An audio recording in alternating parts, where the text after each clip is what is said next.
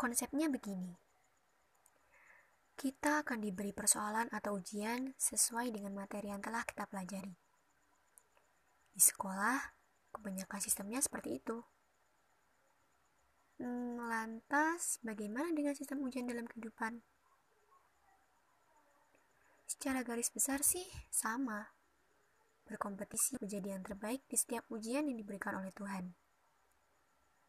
Bukan tentang siapa lebih dahulu menyelesaikan, atau tentang siapa yang melaluinya dengan lancar, melainkan tentang seberapanya dia. Ah, sabar aja terus. Mau sampai kapan? Ya, sampai mati aja sabar terus. Toh, nggak bakal kelar-kelar kan masalahnya. Pernyataan retoris seperti ini timbul akibat salahnya penafsiran. Sabar bukan berarti diam dan tak melakukan apa-apa.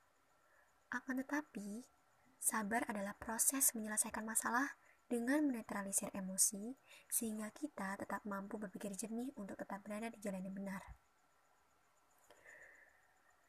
Sayangnya, banyak orang yang tak mampu menghadapi ujian. Sebenarnya bukan karena mereka tak sanggup menyelesaikannya, melainkan karena mereka menelan racun dari egonya sendiri.